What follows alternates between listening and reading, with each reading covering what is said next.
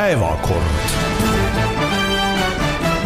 ja taas on käes päevakorras saate aeg, see tähendab, et Urmas, Hindrek ja Grete on stuudios, et võtta teiega kokku mööduv nädal poliitsündmustes. tervist! tervist, tänases päevakorras on meil, kuidas riigikogulased oma esinduskulusid kulutavad Kalle Grünthali näitel, kes lõhkus ära Balticconnectori gaasitoru, kas Eesti on tõesti valmis saamaks Euroopa Liidus netomaksjaks, miks Riigikohus õlitehase ehituse seisma pani, Kaitseliidu juht vahetub, Riho Ühtegi lahkub aastavahetusel sealt, automaksu eelnõust kindlasti räägime ja teeme esimest korda ka meelelahutusuudiste ploki, olulisemate. jaa, võtame päevakorra algusest peale siis ette, esimese punktina Riigikogu kuluhüvitised, lõppematu teema, kust alati on ammutada ja saadikud näevad ise sellega hulga vaeva, et sealt oleks, mida võtta. alustame siis tsitaadist, EKRE saadik Kalle Grünthal ütles siis niimoodi, võimalik, et tegu oli hoopis pensionäride sõidutamisega, mida aeg-ajalt ette tuleb. ütles ta siis selle kohta, et kuidas tal küll nii palju kütust kulub, no see ei ole esimene kord, kui, kui nendesse asjadesse sisse vaadatakse, seekord äh, Grünthali asjad tõi äh, päevavalgele Äripäev äh,, kirjutas siis üldiselt nendest summadest ja kogustest, mis seal, mis tal seal ära kuluvad ja noh, meie nüüd vaatame ka sinna natuke sisse. Ja noh, ega tuleb välja, et Grünthalil on ikka üht-teist nagu võimekust, et äh, olla üheaegselt äh, tankimispüstol peos äh, autot tankimas, kui ka samal ajal Riigikogus ja kaks seal püstolit, kaks püstolit, nii bensiini kui diisli. nojah, tol korral vist äh, küll lasti ühte. Nendel hetkedel oli jah, ainult diisli tankimine. aga kahes kohas korraga sisuliselt, samal ajal Riigikogu saalis ja siis samal ajal ka tanklas, kuidas see võimalik on, noh, eks tõenäoliselt pigem nii, et keegi siis tankis selle kaardiga, no ma ei tea, mida sellest nagu arvata, et, et selles mõttes mul on, mul on kahetsed tunded, mõnes mõttes ma tahaks, et seda ei lõpetataks ära, sest et see näitab üsna palju nende saadikute kohta, teiselt poolt tundub, et ikkagi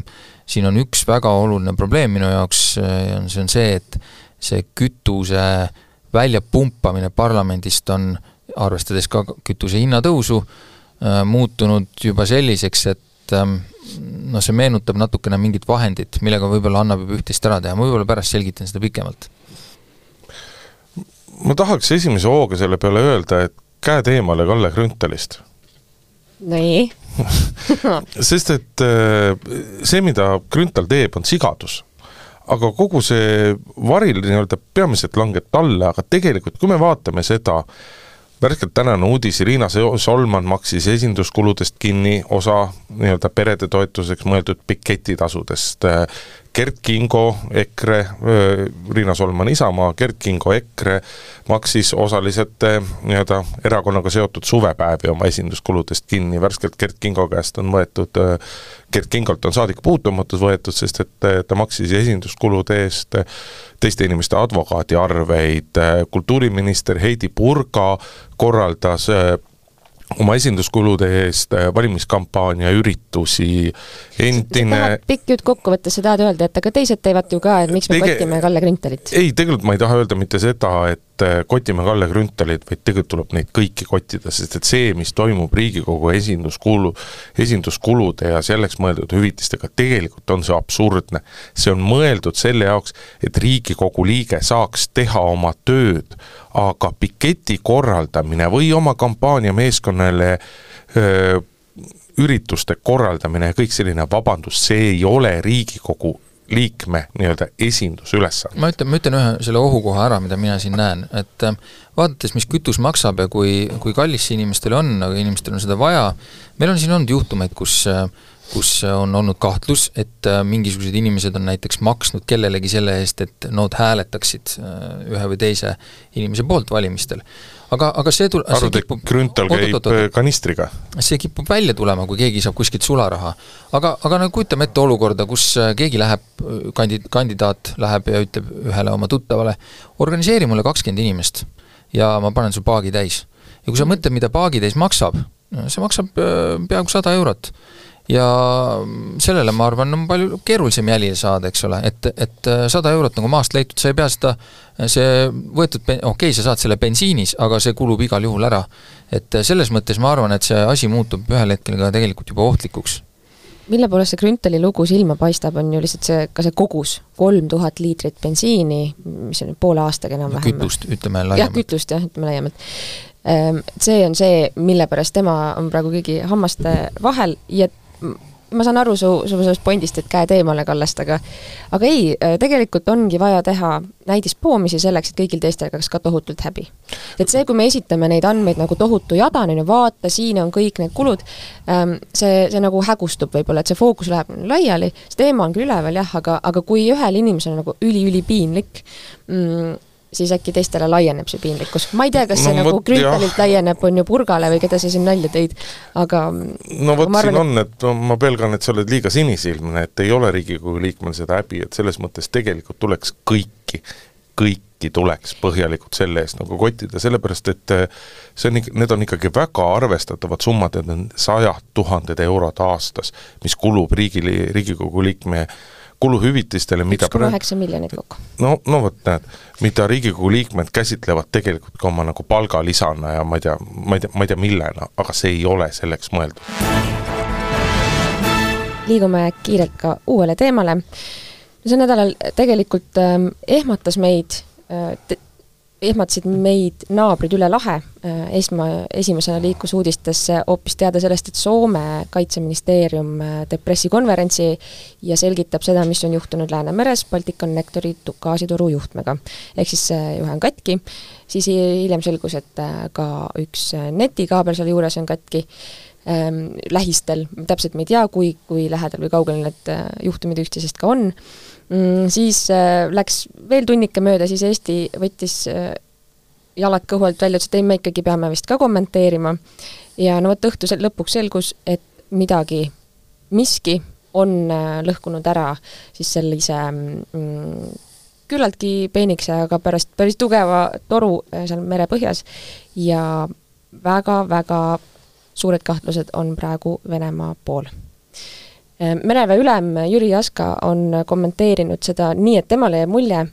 nagu oleks äh, ühelt poolt ehm, kistud seda toru, äh, justkui kastmisvoolik jääb jala taha ja oled seda endale lohistanud. no vot, sellepärast ongi endiselt üleval ähm, spekulatsioonid, et kas see oli siis mõni ank-, laevaankur, mis kuidagi mööda merepõhja jäi libisema, või ikkagi on äh,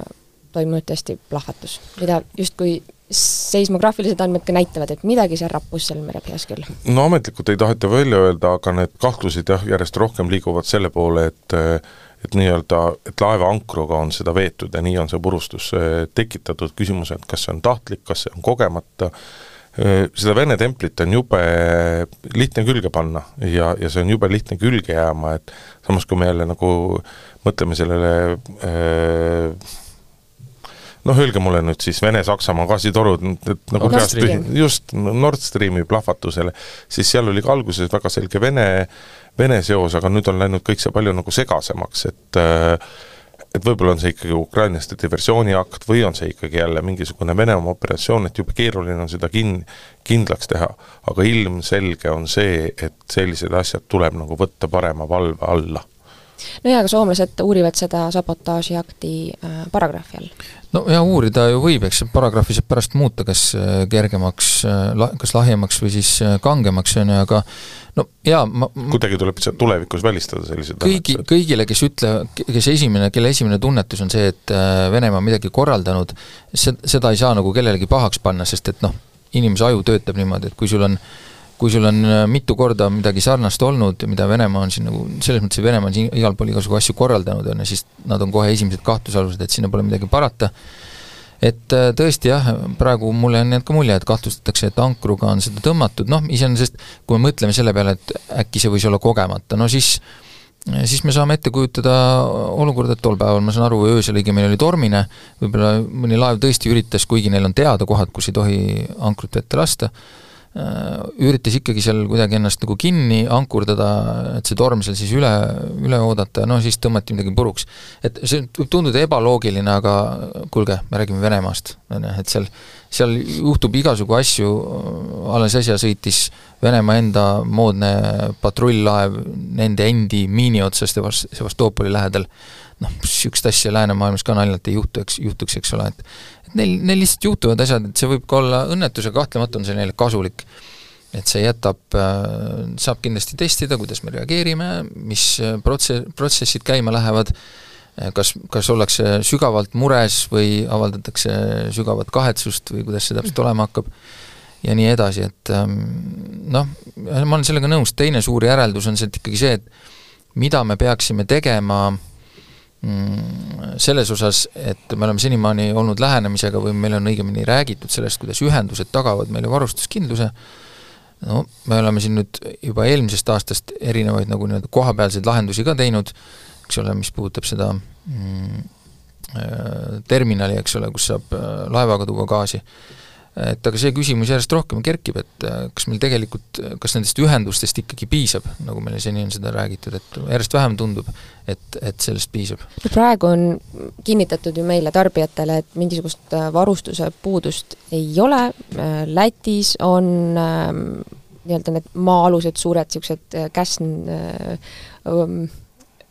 mahutid gaasi ilusti täis ja, ja sellest tegelikult katab ära kogu Baltikumi vajaduse ja samas ju Leedust ei oleks ka kauge tuua, kui on vaja organiseerida. et selles mõttes Balticconnector ähm, ekspertide hinnangul Eestis nagu varustuskindlust ei vähenda, kui ta puudu on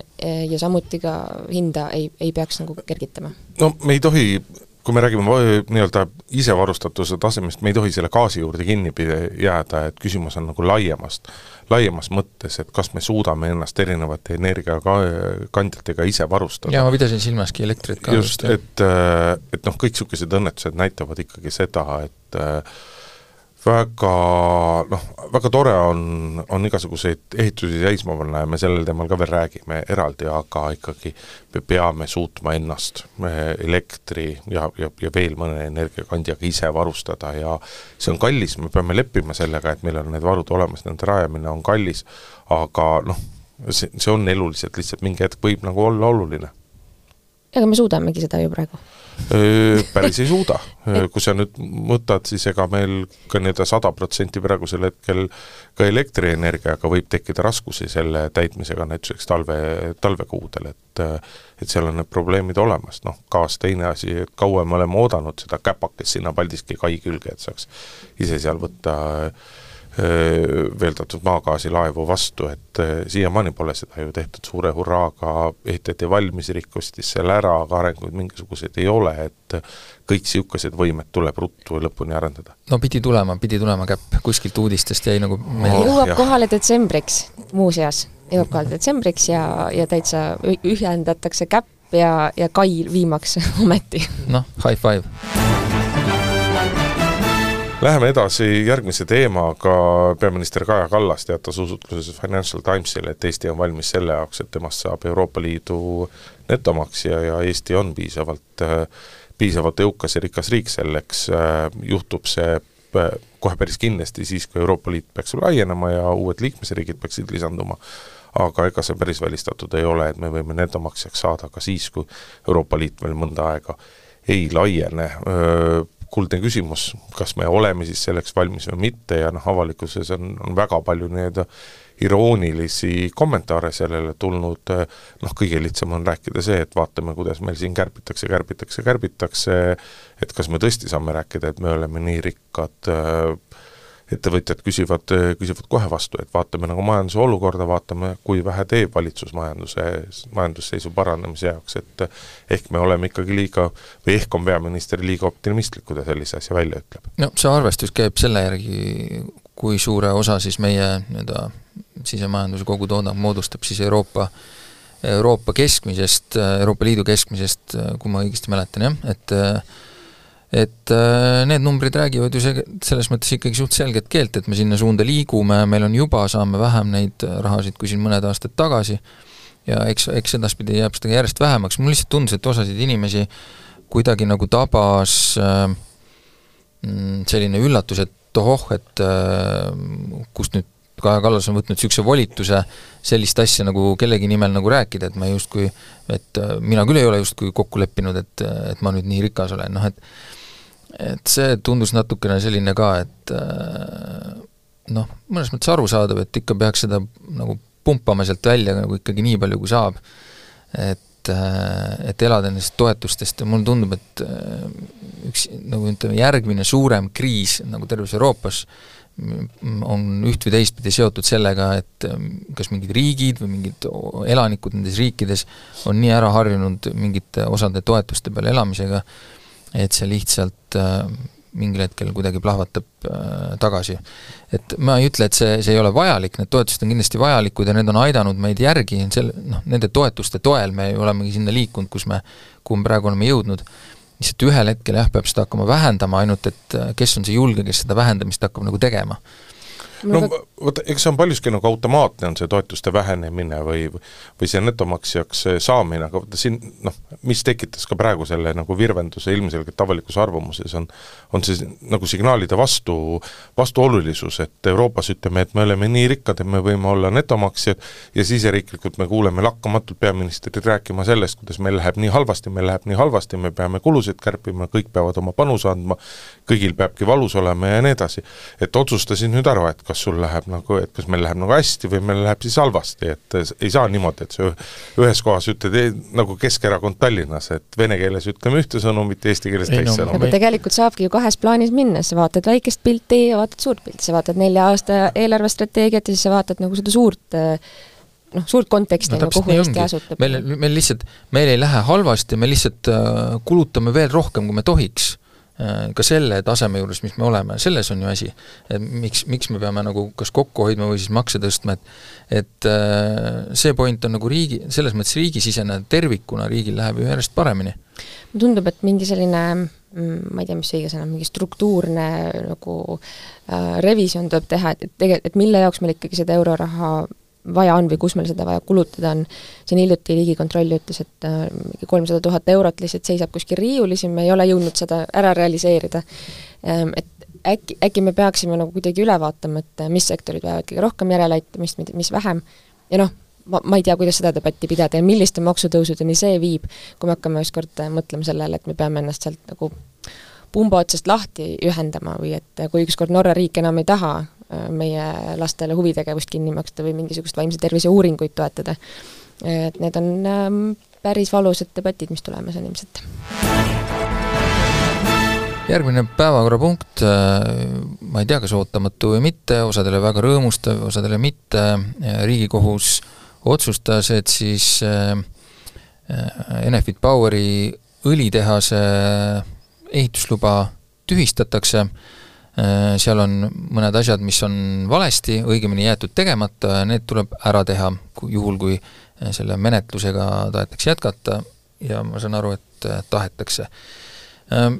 Siin need, kes seda otsust on pooldanud ja kes on, kes selle vastu võitlesid, noored nii-öelda noh, keskkonna kliimaaktivistid. keskkonnaaktivistid ähm, on rõõmustanud, et ikkagi õnnestub niisuguseid projekte ka suurele vastuseisule hoolimata nagu seisma panna, Äh, siis äh, selles osas on neil kindlasti õigus. nüüd äh, olles selle kohtu, Riigikohtu otsuse läbi lugenud, siis muidugi tuleb tunnistada, et väga paljud noh, ütleme katsed seal seda projekti kummuli lükata, Riigikohus lükkab tagasi, aga tõesti leiab ja täiesti õigustatult, et mingites kohtades on jäetud mingisugused uuringud, keskkonnamõjud hindamata, äh, näiteks ühe Natura asa, ala osas, ja see on kahtlemata oluline puudus. et aga kui vaadata nagu tervikuna, mis siis, äh, mis siis kohus on leidnud, ta tegelikult äh, ütleb, et näiteks õige on see väide, et mis võib kõlada alguses absurdsena, et see õlitehas parandab Eesti nii-öelda noh, kliimaolukorda, et kuidas nii, siis põhineb, põhin-, põhineb sellel, et kui seda põlevkivi äh,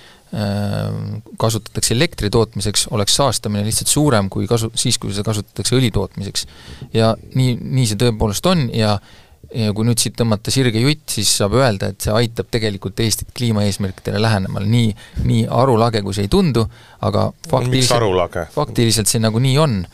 et äh, selles mõttes, kui ma seda otsust lugesin, mulle tundub, et Riigikohus on tõesti väga äh, väga asjalikult selle teemaga tegelenud ja väga palju nüansse ja detaile on seal, mida siin lahti arutada ei jõua,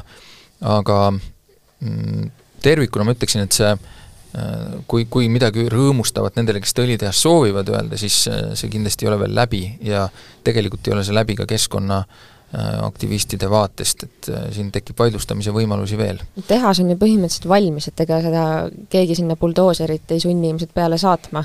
et tuleb lihtsalt ära nüüd tagantjärgi vähemalt ka analüüsida, et mis, mis linnukesed seal ümberringi kannatavad või mis, millised allikaveed kuskilt äh, langevad ja ma nüüd muidugi näitlikustan, et need ei olnud konkreetsed näited, aga äh, minul on tegelikult hea meel, sellepärast et ähm, neid samu kliimaaktiviste, ütleme sellel sõnal on nagu mingi sama halb äh, maik juures nagu sõnal feminist. Ähm,, et, et see tal on mingisugune nagu laetud äh, toon ja kui keegi ütleb, ma olen kliimaaktivist, siis äh, teda juba või selle võrra suhtutakse temasse eelarvamusega ja üleolevalt äh, ja enamasti öeldakse, noh, mis te noored idealistid olete ikka sinisilmsed küll, mõtted on teil ilusad, aga maailm käib ju teistmoodi, küll te varsti aru saate riigikohus ütleb, et äh, teate, võib küll arutada nende asjade üle, mida nad nõuavad, mida nad tahavad ja Euroopas on see trend ka täitsa ju levinud, ma nüüd võin eksida, minu arust Prantsusmaal kaevasid ka noored riigikohtusse sellepärast, et äh, riik ei ole mm, kaitsnud noori selle eest, et nüüd on halb kliima, millega nad peavad võitlema. jah, ei ole kaitsnud noor, äh, noori pange edasi, ma ütlen, jah. pange edasi, aga vaata, aga kui te tahate edasi panna, siis pangegi edasi sellistel, sellisel viisil, et et mis siis selle nii-öelda nagu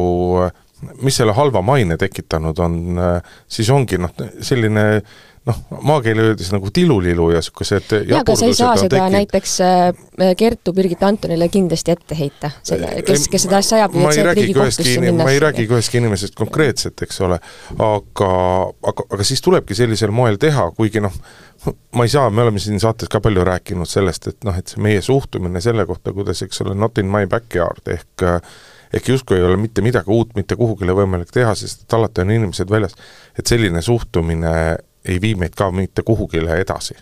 jaa, aga meil on vaja, vaja on nõude ja mõjuanalüüse ja ma, tegelikult me ei tea ikka veel ju, kas, kas kuskilt on selle õlitehase tasuvusanalüüs lõpuks nagu saanud selgeks või?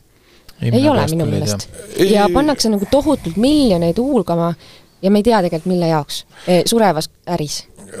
noh, sureväri ei ole ta veel, ei ole ta veel no, niipea, aga vaata, ega see on ka osa sellest, millest me siin varem rääkisime, sellest meie energeetilisest nagu varustuskindlusest, et me peamegi tegema mingisuguseid asju, mis võib-olla majanduslikult tingimata ei ole maailma kõige tasuvamad või suudavad ennast hädapärast nagu nulliga ära majandada, aga meil turvalisuse seisukohast on vaja, et meil need võimalused oleksid olemas. ja ma olen ka nõus, et väga hea on see, et, et kui, kui ei oleks need noored võidelnud, siis, siis me ei teaks, et seal on osad asjad tegemata jäänud. Äh, need saavad tehtud, teiselt poolt jah, et surev, äh, noh, surevad majandusharud kindlasti, aga äh, ütleme, mm, energiavajadus energia järele kindlasti ei vähene, see suureneb, nüüd kas need uued suudavad seda kuidagi ära katta, uued lahendused vaevalt enne mingisugust paarikümmet aastat, mis tähendab, et midagi on senikauaks vaja ja noh, eks see fossiilsete kütuste põletamine jätkub kasvamas tempos paraku niikuinii, äh, kui, kui seda tempot suudetakse alla võtta natukene, äh, siis, siis on väga hästi, väga hästi saavutatud, et et äh, selles mõttes see kindlasti surev, surev äri, aga ma arv-, kardan ka, et ta ei sure vähemalt viisteist, kakskümmend aastat veel mitte. vaidleks veel, aga peame teemat vahetama ma olen täna kõige vanem teenistuses olev kaitseväelane, ükskord on vaja ka põlvkondade vahetus ära lõpetada. kui ma olen viimane dinosaurus, siis nüüd oleks aeg ka viimasel dinosaurusel siiski minema, minna ja lasta noorematel meestel asja edasi teha. nii ütles äh, Kaitseliidu juht Riho Ühtegi, varsti kuuekümneseks saav mees, kes teatas, et aastavahetusel Kaitseliidu ülema kohalt lahkub ja osad inimesed hakkasid kohe konflikti otsima, sest et teatud mõttes Kaitseliit on Kaitseväes alati olnud natuke selline niisugune vastaline jõud, eks ole. vaene vend. noh, väike vend, vaene vend ja noh, kuidas sa tahad võtta, aga aga üldiselt vist valitseb üksmeel, et eks see on selline loomulik asjade käik, et pikalt on oldud ja, ja lihtsalt ameti aeg saab läbi, aga selles mõttes on ühte küll küll õigus, et see tähend-, et see on teatud mõttes märgiline, see tähendab seda, et, et mingisuguse põlvkonna aeg Eesti Kaitseväes saab läbi ja noh, kaunis küsimus on sellest, et kõrge kaitseväelane, milline erakond tema ära napsab ma arvan, et äkki veel, valimisteni on veel aega, et äkki veel mitte. ma loodaks, no mine tea, jah. KOV-i valimised on ju kohe-kohe ukse ees ma ei hakka erakondi pakkuma, küll aga ma ütleks talle, et ähm, ära kao kuskile. et Eesti avalikkusel on häsa, hädasti vaja julgeolekueksperte ja, ja nii-öelda niisuguseid laigulisi tüüpe äh,, on nad siis tegevväelased või mitte, kes oskavad äh, rääkida hästi rääkida selgelt ja rääkida olulistest asjadest äh, ja kes teavad, millest nad räägivad. kes teavad jaa, teavad nagu päris ja praegust infot. jaa, et äh, selles mõttes tõesti, Kaitseliidul võiks tegelikult ees olla ju suurepärased ajad, nii kahju, kui seda ka ei ole öelda, kahju sellepärast, et need olud, mis sunnivad, millest võiks kujutada ette, et see Kaitseliidu nii-öelda ajad paranevad, ei ole nagu head. et aga sellised äh, olud täiesti loogiliselt peaksid, tõenäoliselt ongi suurendanud inimeste huvi kas või selli-, läbi sellise nagu programmi panustada, et selleks ei pea nagu tege-, tegevväelaseks hakkama. et ähm, noh, kas selle jaoks on iseenesest uut juhti vaja, võib-olla ta ise tunneb, et on vaja, siis siis äh, palun lihtsalt, ma loodan, et see uus juht suudab äh, võib-olla veel selgemalt nagu pilti tuua seda Kaitseliidu rolli ja nagu suurendada nende inimeste hulka, kes seda nagu ühe variandina kaaluvad, et mis, mis nende panus saab olla, kui kui nad tunnevad, et nad ei jaksa enam neid äh, sõjauudiseid nagu lihtsalt telekast vaadata, vaid tahaks olla kuidagi ka ise ma ei tea, valmis või vähemalt saada nagu targemaks selles asjas. Lähme mm, võib-olla avame aruteluks õigemini päevakorras natuke niisuguse pikema teema ka, see puudutab siis äh, automaksu, juba nagu nii-öelda võiks öelda nagu teine lugemine peaaegu. meil on vaja siia eraldi kõlli juba selle automaksu kõlli, jah ja. ja.. et et äh, nüüd on meil siis olemas äh, eelnõu, õigemini ma ei teagi, kas ta veel nagu eelnõuna on teda keegi näinud, aga igatahes ta vist olla nagu valmis saanud, igatahes presentatsioon uhke tehti, kus siis nüüd on olemas need uued mudelid, äh, õigemini mudel, millega arvutatakse siis nii-öelda kahte maksu, üks neist on registreerimistasu autol ja teine siis selline aastamaks. et ähm, mis me oleme teada saanud, tegelikult ähm, mina ütleksin niimoodi tervikuna, et päris palju on muutunud.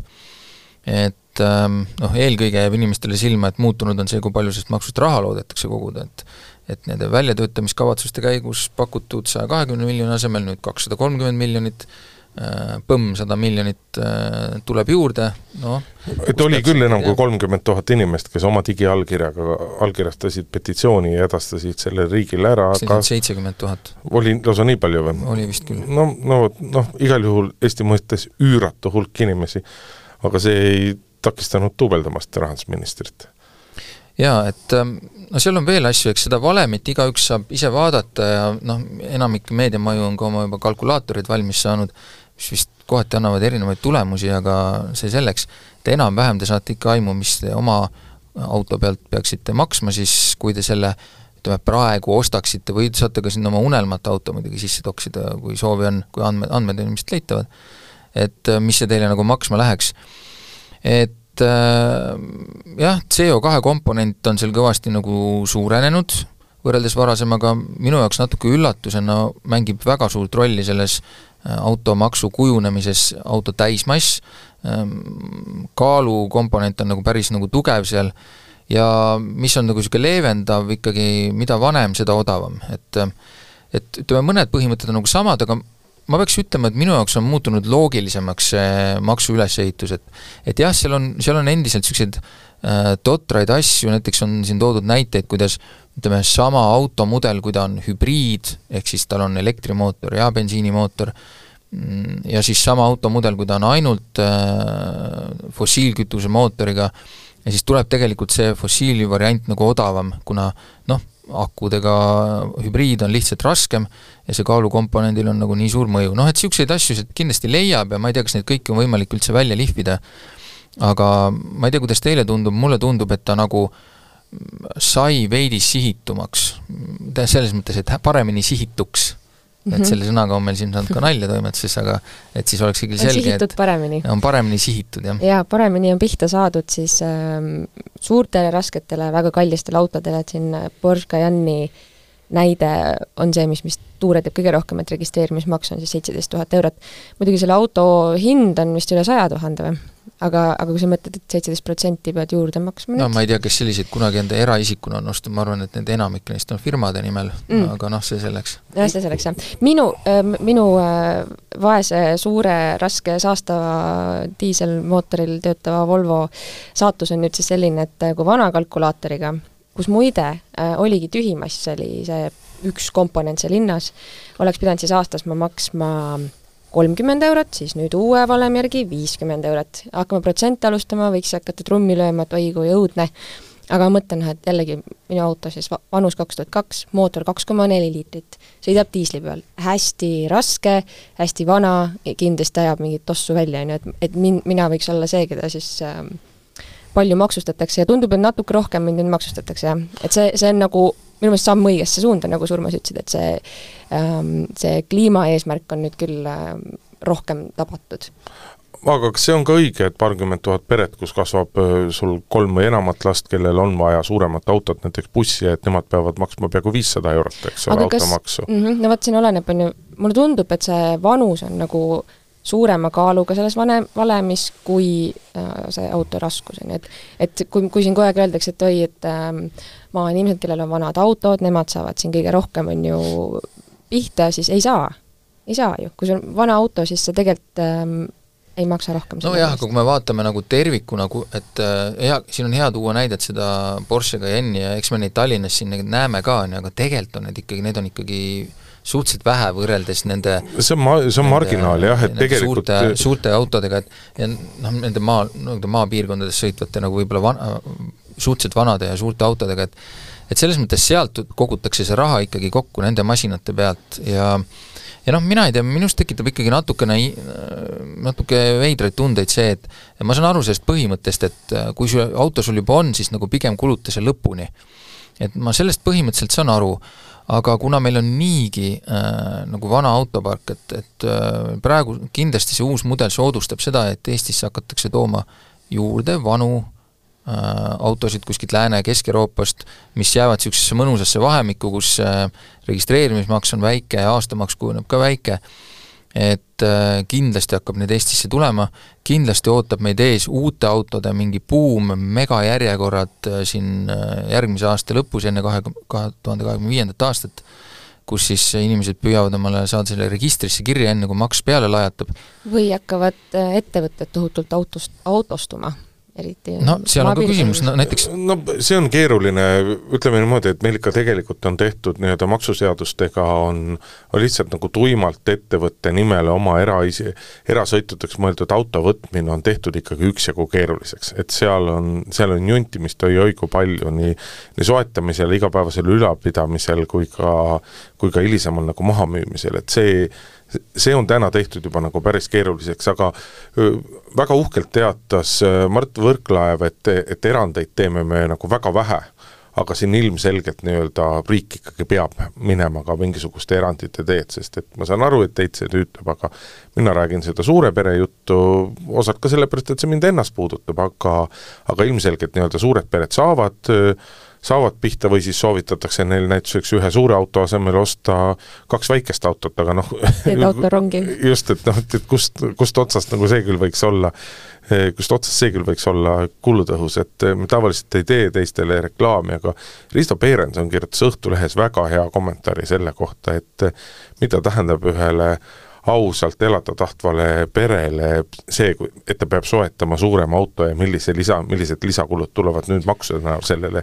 sellele asjale juurde, et et noh, sellised asjad on jaburid ja ega seal maapiirkonnas ka nüüd noh, mind natuke alati nagu pahandab see, et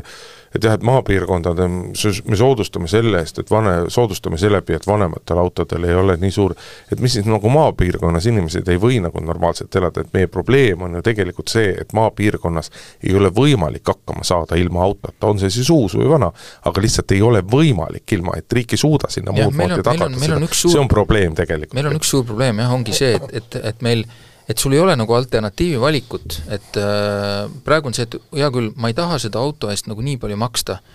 mm, ja ma olen valmis sellest ka nagu loobuma, ainult mis asemele tuleb, et äh, sotsid räägivad, et me peame tegema niisuguse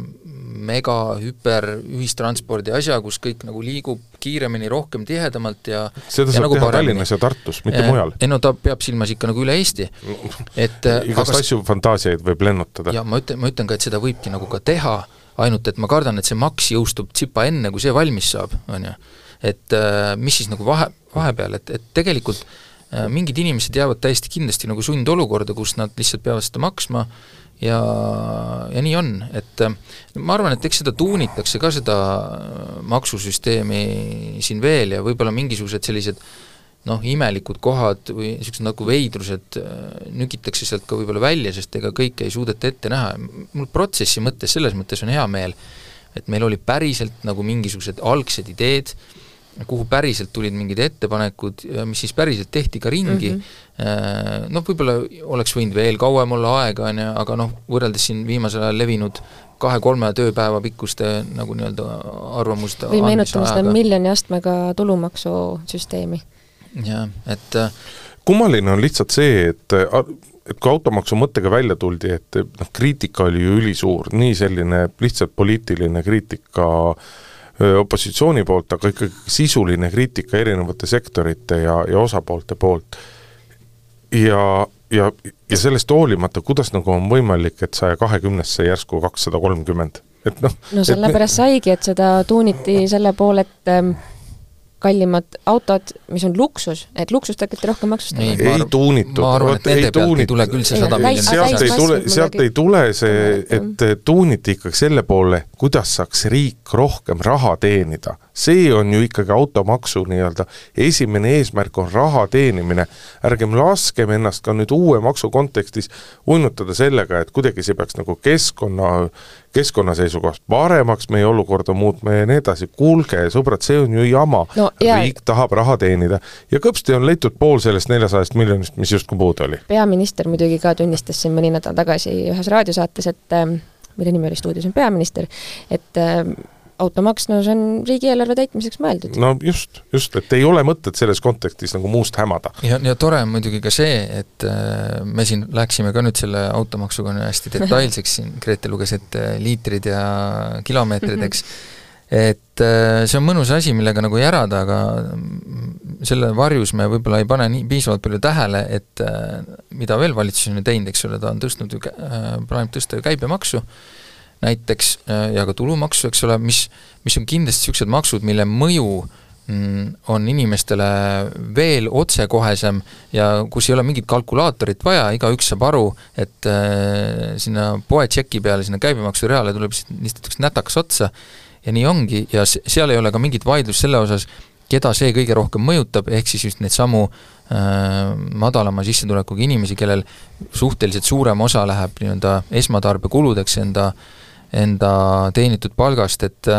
me et elame see, sellest me nagu väga ei räägi, aga, aga küll, küll meeldib kõigile nagu nokkida neid automaksu detaile, mida me siin ka oleme ise juba teinud vähemalt viis minutit. aga vaata, seal ongi, probleem ongi selles, et ega see automaks tuleb ka nagu paljudel inimestel nagu väga suure, väga suure lisakoormusena ja me tegelikult elame olukorras, kus sellised nii-öelda sundkulutused ja ma selle automaksu liigitan ka sundkulutuse, kulutuste alla, sest et tõesti, sul ei ole võimalik suures osas Eestis ilma autota hakkama saada. Ja me oleme olukorras, kus kahe-kolme aastaga nende sundkulutuste hind tõuseb siis ligemale viiskümmend protsenti, viiskümmend protsenti. meil on ainuüksi toidukaupade hinnatõus ligineb kolmekümnele protsendile viimase kahekümne, kahe aasta jooksul. see on, Peeter Raudsepp, Konjunktuuriinstituudi juht just sellel nädalal ütles, et see on pretsedenditult kiire hinnatõus, et sellist ei ole mitte kunagi olnud ja me paistame ka Euroopa kontekstis silma ülisuure tõusuga. ja, ja, ja kõige selle kontekstis nagu tõsta käibemaksu, panna automaksu juurde, et eh, kuidas need inimesed peavad hakkama saama? ja vot selle peale ma mõtisklesin ka seesama Konjunktuuriinstituudi juhi jutu peale, et et, et on näha, et poemüüjad juba suhteliselt valikuliselt tõstavad hindu, põhjendades siis seda sellega, et meil on siin vaata käibemaksu tõusuks valmistuda ja me ei jõua aasta lõpus kõiki hindu kohe ära tõsta, nii et tõstame praegu, aga et see tegelikult ei paista väga aus välja lõpuni ja selle peale siis näiteks äh, Kaja Kallas on öelnud, et jaa, aga inimesed, hääletage jalgadega et ärge minge sinna poodi, kus tuleb välja, et juba nagu eos hakatakse teid äh, rohkem nöörima. Ma ei tea, kas see ka nüüd päris õige no õige, no, õige seisukoht on, et valitsus Kaja Kallase kohta hästi öelda, aga tal vali... on oma point tegelikult olemas. jaa, tuleb hääletada jalgadega küll, aga aga kes see, kes see loob selle keskkonna ja kes see peaks hoolitsema, et see keskkond, ütleme, ei hakka mm, sööma valet, noh, ühesõnaga ei ründa nagu valet, valet objekti. no, no seda konna keedetakse ju ka niimoodi vähehaaval, et, et ütleme, kui sa käid mingis poes, katsu sa teada, mida toode tegelikult maksab, ühel hetkel on tal hind, siis on mingi soodustus, siis on ekstra lisasoodustus, siis on mingisugune ekstra lisa supersoodustus ja siis tuleb tagasi tavahind, siis on ta natuke odavam, kui ta oli eelmine tavahind. aga kui sa ostad kliendikaardiga? jaa, kliendikaart veel juurde, et, et kas sa, selleks hetkeks, kui sa aru saad, et see nii-öelda toote hind, et ta nagu maksab rohkem kui varem, selleks hetkeks sa oled tükk aega juba maksnud rohkem ja siis on, siis on sind seal konnana rahulikult ära keedetud juba, et et selles mõttes niisugune väike asi ka, et, et sellest ei ole lihtne, ütleme, inimesele aru saada, et millal see millal see kaupmees nüüd tõstis mingisugust, mingi ennaktempos mingisuguse asja hinda, et et kui te arvate, et kõik inimesed oskavad nagu kuidagi seda märgata või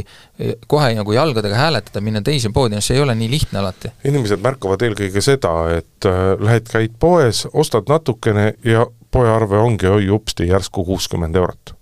saanud nagu selle eest õigupoolest midagi ei ole, aga see probleem on väga tõsine vinguda võiksime pikalt veel, ka saate aeg hakkab lõppema, aga me ei lase teid, head kuulajad, ära äh, mõrul noodil või mõrul maigul. Äh, meil on valminud äh, uus rubriik, mille nimi on Grete eluloterii. kas see saab meile alaliseks rubriigiks või? ma loodan küll ja nii palju, kui ma ikka viitsin, siis ma võiks seda teha, mul oli päris lõbus seda teha no. see asi sündis siis niimoodi, et kui me saate teemasid kokku leppisime või arutasime, siis rullisime siin uudisteportaalide esikülge külgi ja jäid silma mõned äh, naljakad, kuulsad ja kummalised uudised, mida ju ka inimesed loevad ja mis on ka olulised ja võib-olla peaksime siis ka ikkagi päevakorda võtma teinekord. ja mida ma tegin, äh, ma käisin läbi viimase nädala mm, meele, ütleme, meelelahutus ja sellised ähm, äh, lemmik, lemmiklooma uudiste rubriigid ja valisin välja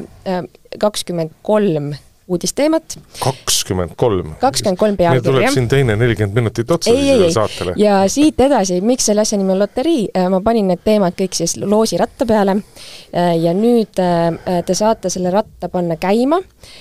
ja siis te saate siit ühe teema ja vastavalt sellele võib-olla ma esitan teile küsimuse. mina tahan tõmmata, ma olen olnud Tartu Sepa messil kaks päeva ja seal oli Maalehe loosiratas ja mina ei tohtinud tõmmata, ma tahan nüüd tõmmata seda. nii, proovi, kui sa siia keskele vajutad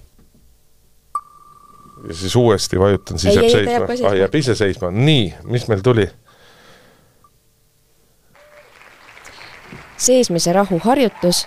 ehk armastuse kaja. kaja väikse tähega. tegelikult see on, see on tore uudis, ma pärast võtan sealt ühe, mis peaaegu oleks tulnud ähm,. Äh, nii, kerime, kerime, kerime et mis uudis see oli, sest et mina olen nõutu, kas sina, Urmas, märkasid? Ei, mina ju selliseid äh, uudiseid ei ole märganud. see viktoriini küsimus siis jät-, jätkub teile niimoodi, et äh, kui sa oled rahutu äh, ja siis on üks